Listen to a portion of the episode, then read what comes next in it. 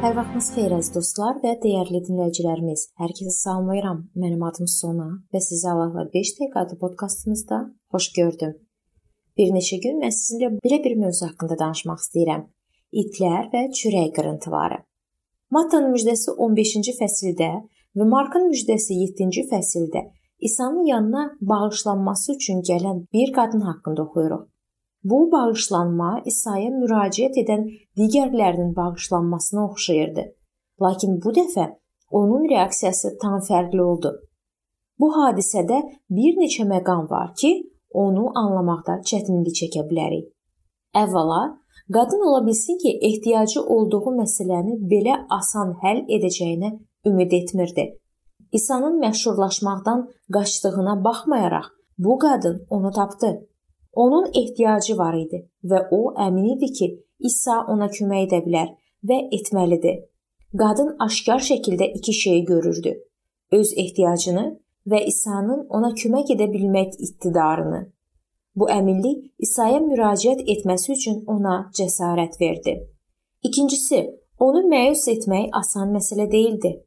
Qadın kömək üçün şagirdlərə müraciət edəndə onlar İsa'ya qadından şikayət etdilər qadını onun köməyinə layiq bilmədilər. Bununla belə qadın İsa'ya yaxınlaşıb önündə baş əydi. Qadın bilirdi ki, onun dediyi həqiqətdir. Lakin qadına kömək lazım idi. Belə görünür ki, İsa bu yerlərə tez-tez gəlmirdi və bu qadının həyatında əlinə düşən yeganə imkan idi. Əgər İsa'dan kömək almaq onun qismətində isə, bu yalnız indi ola bilərdi. Bundan əlavə, cinə tutulmuş adamla birgə yaşayış üzündən davamlı ağrısı və daimi mənəvi boşluq onu irəli getməyə sövq edirdi. Əgər ondan nə isə asılı idisə, mütləq kömək tapacaqdı. Üçüncüsü və kifayət qədər diqqəti çəkən onun itaətkarlığı idi.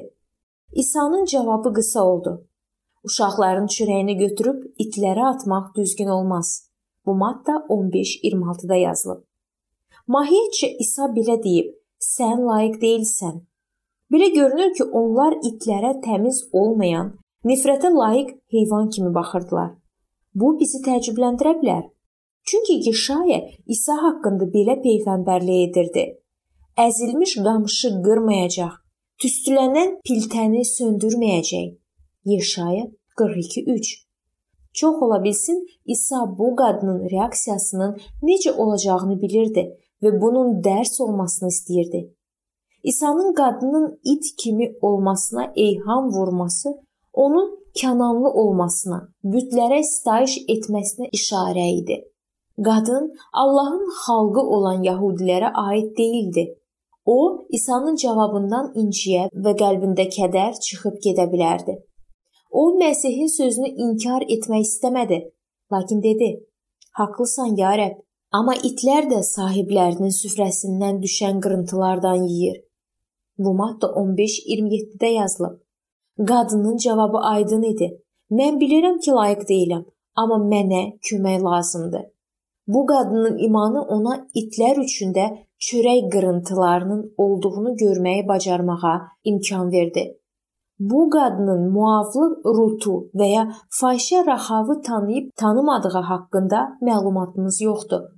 Lakin o inanırdı ki, Allahın xeyir-duası beynəlxalq sərhədləri aşa və alicənab adamlara çata bilər.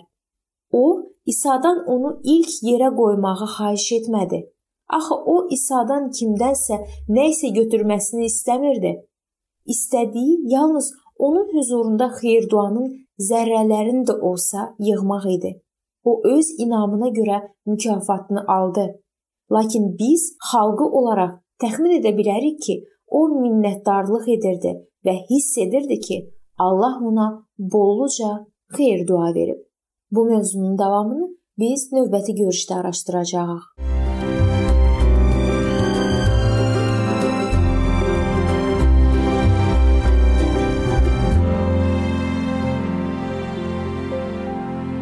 Beləliklə əziz dostlar, bu yerdə bu mövzu sona çatdı. Hər zaman olduğu kimi sizi dəvət edirəm ki, bizim podkastlarımızı Facebook səhifəmizdən və YouTube kanalımızdan dinləməyə davam eləyəsiniz. İndi isə mən sizinlə sağollaşıram. və növbəti görüşlərdə görmək ümidi ilə sağ olun, salamat qalın.